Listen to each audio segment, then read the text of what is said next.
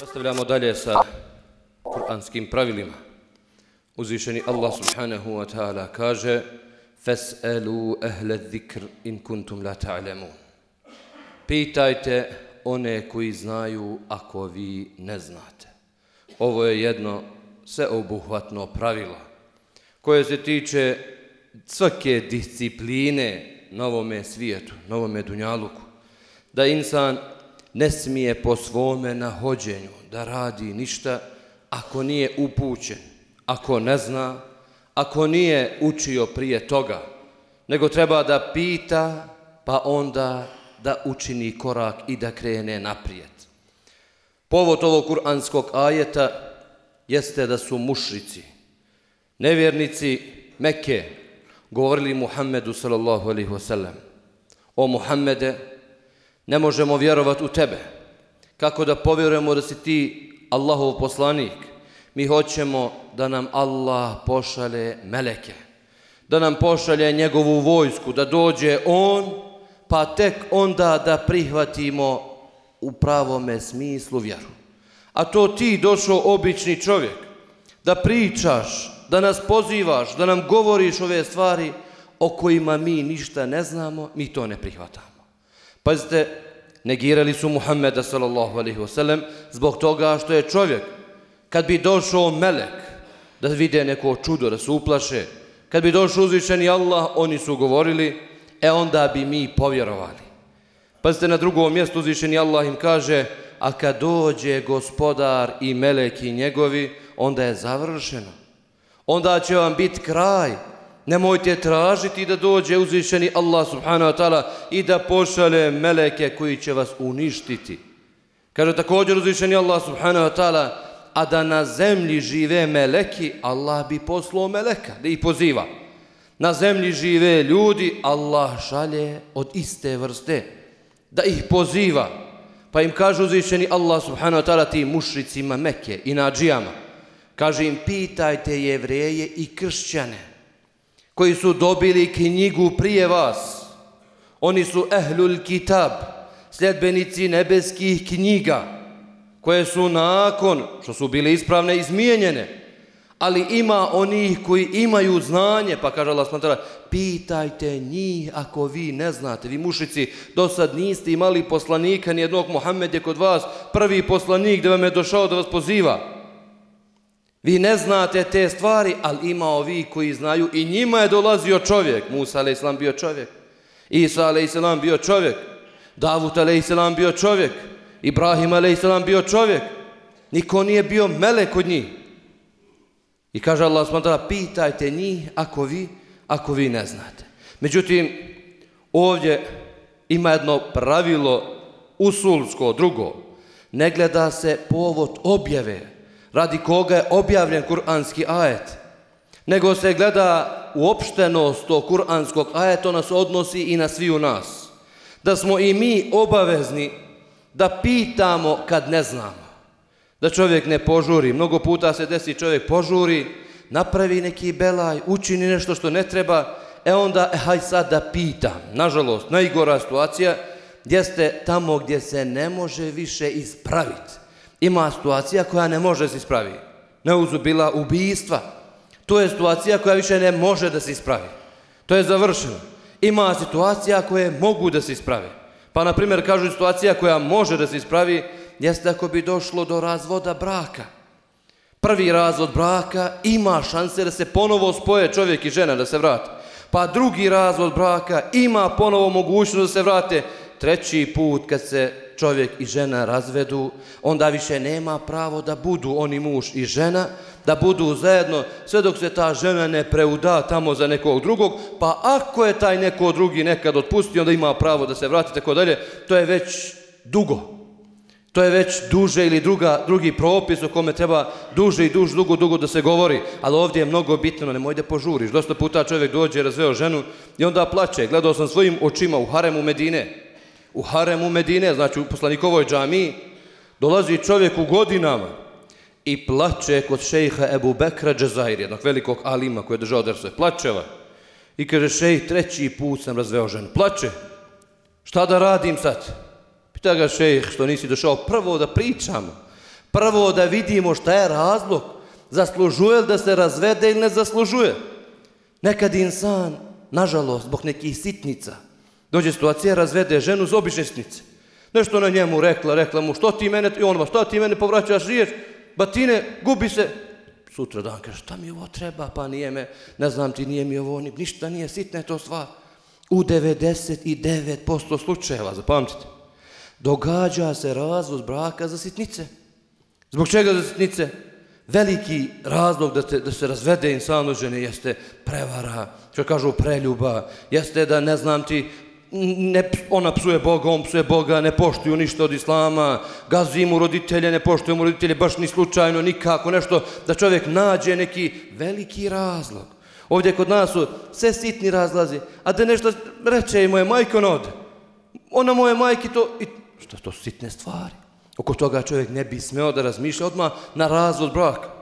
Kod nas je ovdje prvo što pa ne bi da se rastavi do da to, pa onda sjedne i ona i on i plaću i čekaju situaciju. Ima situaciju ovdje, znam lično, ona se naljutila na muž i otišla i kaže, ja sam mislila on će me vratiti. Kaže, ve prođe devet mjeseci, nikome ne zove, ni on, ni njegov babu, ni njegov majke, što da radim sad? A što si otišla? Pa kaže, ja mislila on će me zvati. Nemoj da misliš, nemoj da izlažiš iz kuće zbog tih sitnih stvari da bi ti postoje, mislim ja, bit će ovako ili bit će onako. To su stvari koje ne zaslužuju da čovjek napravi uopšte, uopšte grešku. Pazite dalje, Kaže uzvišenje Allah s.w.t. pitajte one koji znaju ako vi ne znate. Pa ovdje na prvom mjestu uzvišeni Allah hvali učene i hvali znanje uopšteno. Svaki vid znanja je pohvaljen. Svaki vid znanja je pohvaljen. Pazite, na prvom mjestu najbolje znanje je šerijatsko znanje. Zbog čega je najbolje šerijatsko znanje?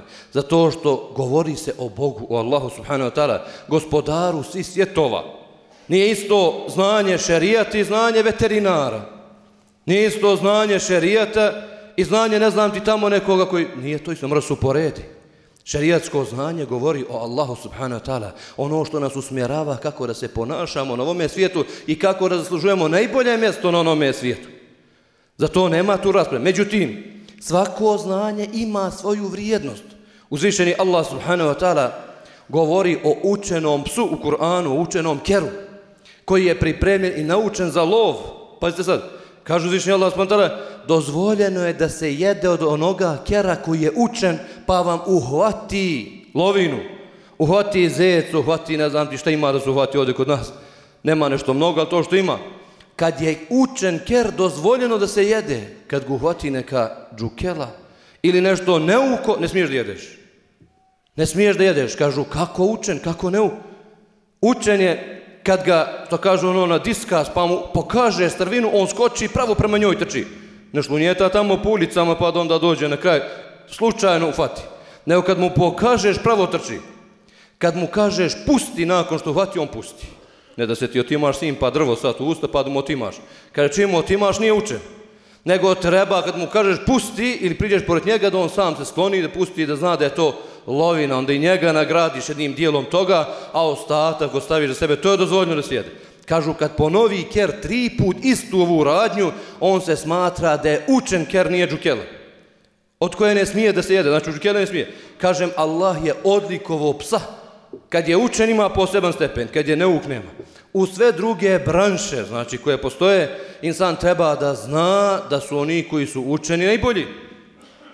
Spominjem se da je jedan mladić koji se pridržavao vjere, otišao u Francusku i kaže sad, pominjao ljudima o islamu, pozivao ljude, pozivao ljudi, došli da jedu i kad je bilo tu raznih jela, jedan htio da ga ponizi, i kaže, znaš li ti, odnosno ima u Kur'anu kako se spremaju ova jela? Pošto vi to kažete u Kur'anu ima sve. Kaže on, ima. E, hajde, kaže, kaže, ima od čega je ovo spremljeno, od čega je ovo, kako je ovo? Kaže on, pozvao kuhara. I pita kuhara. Kaže moj čovjek, e, nisam mislio kuhara, nego ti da pogodiš. Kaže, jeste li meni Allah u Kur'anu? Kaže, pitaj učeno kako ti ne znaš. Ja pitam, on je učeno, on zna o tome, to je njegova branša, ja njega pitam i ne mogu da pogriješim. To je smjernica kur'anska. Da pitaš učeno, kad nije da lupaš i da ti pogađaš. Kaže, Allah nam je dao smjernice kako treba da se ponašamo da ne pogriješimo. I da budemo profesionalci u našim poslovima i u našim, u našim odlukama. Također kaže, ovo kuransko pravilo ukazuje da čovjek koji ne zna, malo što smo to pomenuli, ne smije sam da bude ili da stavi sebe na stepen mučtehida. Šta je mučtehid? Mučtehid je sam da donosi odluku. Pa znaš kako ja sam vidio, može ovo, ja ću ovako. Ne možeš ti tako. Ako ne znaš tačno, ne možeš tako. Kaže, video sam tamo kači se plava i žuta žica, ali ne znam tačno da li daš od... Ha ja bismila pa da probam. E, ne bismila se tu ne probava. Tu je struja, tu nema ne bismila, doma pukne. To pi šrafciger, to pi tebe, to pi sve. Znači, ne smiješ tu da budeš ti, ja ne bismila pa kola da da bude. Nego pitaj ako ne znaš. Također kažu, ovo kuransko pravilo iz njega se zaključuje, da kad insan pita učenog čovjeka, onaj koji nije učen, pita učenog, sa ovo koji nije učen, pada grije ako bi ovaj učeni pogriješio. Ovaj nije grešan. Jer on nije znao, a čuo je, odnosno saznao je da je taj, taj učen, ako učeni pogriješi, ovaj nema grija kod Allaha subhanahu wa ta'ala, jer on je prepustio učenome da mu učeni da odgovor, odnosno da ga usmjeri onako kako, kako treba. Zato i kažem, treba da budemo profesionalci. Ne znači insan da se upusti pa kako bilo. Kad se čovjek razboli, svi gledamo, idemo kod najučenijeg doktora. Niko neće kod nekog tamo koji je završio privatno fakultet, nego kažu, ne, idemo kod noga što je u Beograd, što je u Engleskoj, što je, ne, ne, moti mi me privuke, dosta je, ja bilo, idemo neđe tražimo pravog doktora. Tačno. Kad hoćeš da popravljaš auto, ne ideš tamo koji nešto, neku šupicu malu, zabio se nešto čarka, ne dira iz goreće instalacije. Idemo kod pravog čovjeka gdje piše da je pravi, gdje je poznat, gdje je čuven, gdje radi poslove kako treba, kod njega se ide. Isto to treba da bude i kad je šerijatsko znanje u pitanju. Ne ide se kod samouki, kod priučeni, niti se miješaju branše. Obratite pažnju. Obratite pažnju, ovdje je mnogo opasna stvar. Puno ljudi pita električara o šerijatu. Pita mehaničara da ga on uči vjeri. Pita, a hođu ne može pita. Ne, ne, hođu, hođu ne zna. A ne, odjednom mehaničari, električari, ne znam ti, tamo taksista i svi znaju bolje nego hođa. Hođa 16 godina, 17, 20 godina, to isto očitaju uči, on ne zna, odjednom ima neko drugi koji bolje zna, do juče je samo znao kako se odvija i zavija šarafu, desnu u lijevu, to mu je bilo, sad odjednom da je fetve. To je žalostno. To je neprihvatljivo s nijedne strane, to mozak, razum, normalno to ne prihvata. Međutim, oni koji hoće namerno fitnu, i ko će namerno da skrenu sa pravoga puta, onda se dešava da im je draže da pitaju ljude koji su priučeni ili čuli nešto, nego one koji se bave tim, koji se bave tim stvarima. To je suprotno i pogrešno, znači razumu i normalnom, normalnom insanu i normalan insan to nikad neće dozvoliti. Dođeš kod hođe da ga pitaš kako se miješa malte ili kako se koja armatura se stavi. To on ide. Fes'elu ehle dhikr pitajte one koji su profesionalci u svom poslu, koji znaju, ne pitajte one koji, koji ne znaju, dogodit će se fitna, dogodit će se problem. Navodi se još za vrijeme prvih generacija, dobri, pobožni Allahovi robova, u Medini, Malikov šejh, Rebija bin Abdurrahman, on je Malika podučavao, a Malik je kasnije bio najučeniji čovjek u Medini. Njegov šejh, spominje se za njega, Kaže, ušao je čovjek od šejha. Šejh plače. Pa ga pita ovaj čovjek, što plače šejh? Šta se dogodilo? Da ti nije neko preselio? Da te nije neko, neka bolest, iskušenje? Da ne plače slučajno zbog grijeha? Kaže, la Allah, ne plačem zbog toga ničega. Nego plačem, vidio sam danas postavljeno je pitanje tražena je fetva od džahila, pa je džahil odgovorio, a to je gore iskušenje, gori musibet, nego sve što može se dogoditi. Jer kad dođu džahili, pa budu oni davali pitanja i oni usmeravali ljude, zalutaće umet Muhammedov sallallahu alaihi wasallam. Zalutaće umet Muhammedov sallallahu alaihi wasallam. Pazite, kaže, vidio sam danas čovjek koji ne zaslužuje da se pita pitanje i dao je odgovor. Mi cijel vijek, hoću onda da kažem, mi cijel vijek radimo, učimo, proučavamo i strah nas je da odgovorimo. Bojeći se da ne pogriješimo, a džahil je danas uzeo tu poziciju i odgovorio i to. Kako je odgovorio? Kod mu što kažu, oko mu se nije na to mrdilo. Pa me strah šta će doći nakon toga i šta će zakačiti ili šta će pogoditi ovaj umet Muhammedov, Muhammedov sallallahu alaihi wasallam. Da mu je danas da vidi kako danas pucaju fetve, kako se danas to ljudi, što kažu, ne ustručavaju, nego jedva čekaju da stanu na tron, da daju fetve, da dijelu, da usmjeravaju, da upućuju ljude, a sami ne znaju najosnovnije stvari Allahove subhanahu wa ta'ala, subhanahu wa ta'ala vjere. Pa se kaže Allahu poslanik Muhammed sallallahu alaihi sallam. Pred sudnji dan Allah subhanahu wa ta'ala će uzeti znanje. Ne staće znanje. Međutim, kaže Allahov poslanik, neće ga Allah uzeti tako što će nestat direktno znanje da ne stane. Da ne stane Kur'an, da ne stane, ne znam ti knjige, da ne stane. Nego kaže, uzet će učenjaka po učenjaka. Preselit će učenjaci, a neće imat prava ulema da dođe nakon njih. Pravi učenjaci koji će sjest na njihova mjesta, nego će doći džahili, neuki ljudi. Pa će bit pitani, pa će oni odgovarat, ti džahili, neuki ljudi, odgovarat će, pa će zavoditi ljude i sebe i ljudi odvoditi u propast, odnosno u zabludu. Pazite, znači, to je taj stepen uništavanja ljudi kad neuki ljudi usmjeravaju i daju fetve bez znanja, bez mudrosti, bez sagledavanja šta će biti nakon toga ako se to i to, ako se to i to uradi i šta će, šta će, se, šta će se dogoditi, kakva će posljedica biti. Kažu prvi lažni savjetnik je Iblis. Iblis, la'netullah, šta je uradio kad je Allah subhanahu stvorio Adema?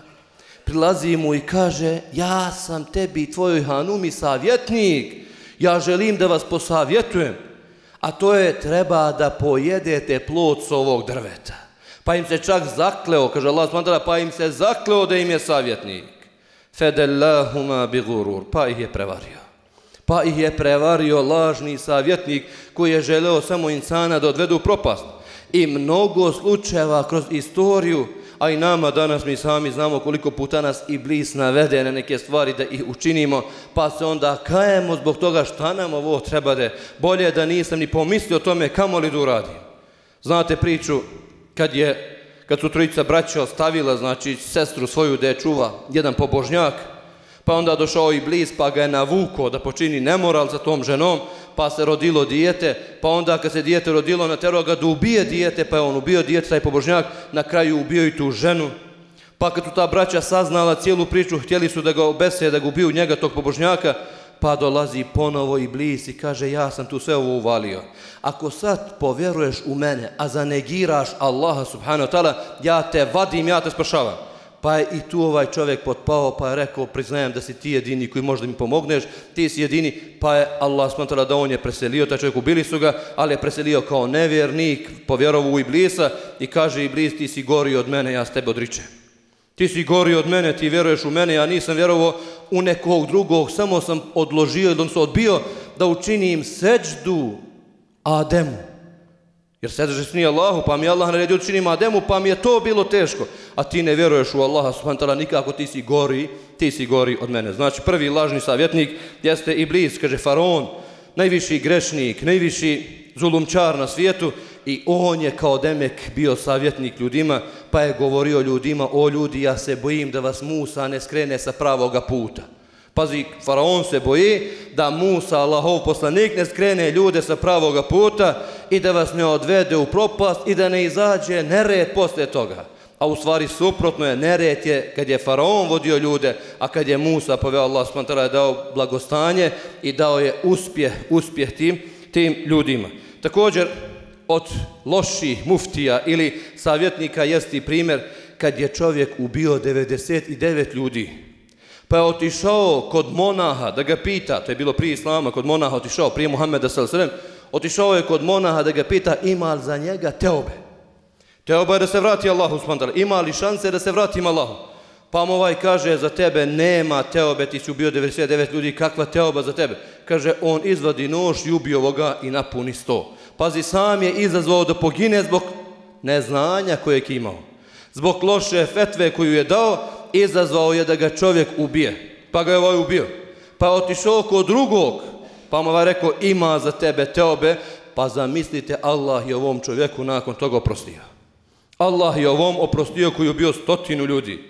Ali iskrena teoba, iskreno pokajanje Allahu subhanahu wa ta'ala čini da se pobriše, pobrišu grijesi na ovome, na ovome svijetu. Također za vrijeme Muhammeda sallallahu alaihi wasallam dogodila se jedna teška situacija gdje su ashabi u početku islama, nisu ni oni imali neko pretjerano znanje, ashabi, drugovi Allahog poslanika, pogriješili u hadisima, odnosno kad islamčnjaci govore o ovom hadisu, ovoj predaji, neki se islamčnjaci razilaze da li je ova predaja sahilnije. Ali stoji da su izašli u borbu. Dok su izašli u borbu, jedan od njih je bio ranjen. Pa je dobio groznicu. Pa je počeo, znači, da, da, da blijedi ranjen čovjek, iznemogo, nestalo mu je snage. Pa je primetio na njegovom vešu da je preko noći taj bolesnik postao džunup. Odžunupio se. Pa je pitao svoje drugove, nije znao ni on, šta da radim sad, džunup sam. Ranjen, džunup, kako ću da klanjam nečist? Moram da se okupam da bi mogu da klanjam. Pa su mu rekli, moraš da se okupaš. Pa je uzeo, pa se okupao nakon toga, pogoršalo mu se stanje i preselio je. Preselio je. Pa su došli Allahovom poslaniku, pa su ispričali šta se dogodilo, pa su ju predidi me poslanik rekao, ubili ste ga pobijao vas Allah.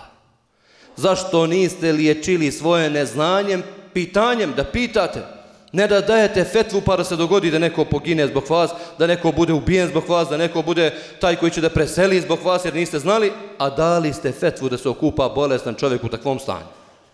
Znači nije smela voda da ga takne, kamoli, kamoli da se okupa. Ja znam lične primjere gdje su ljudi napravili velike greške, huškajući i dajući kod emek lažne, neispravne fetve.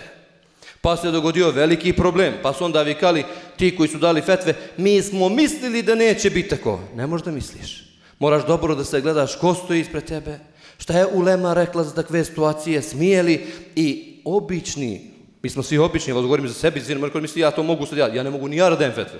Znači, fetve da je Ulema, veliko Ulema, mi prenosimo ono što je Ulema rekla i veliki alimi što rekli mi obični neuki, Allahovi robovi, treba da tražimo od uleme što ona kaže u datoj situaciji, šta ona nas savjetuje, pa da onda pristupimo i da uradimo određene stvari, a nikako da se, da se bavimo ili da, da radimo sami po svome, po svome nahođenju, pa da ispadne ono što ne treba.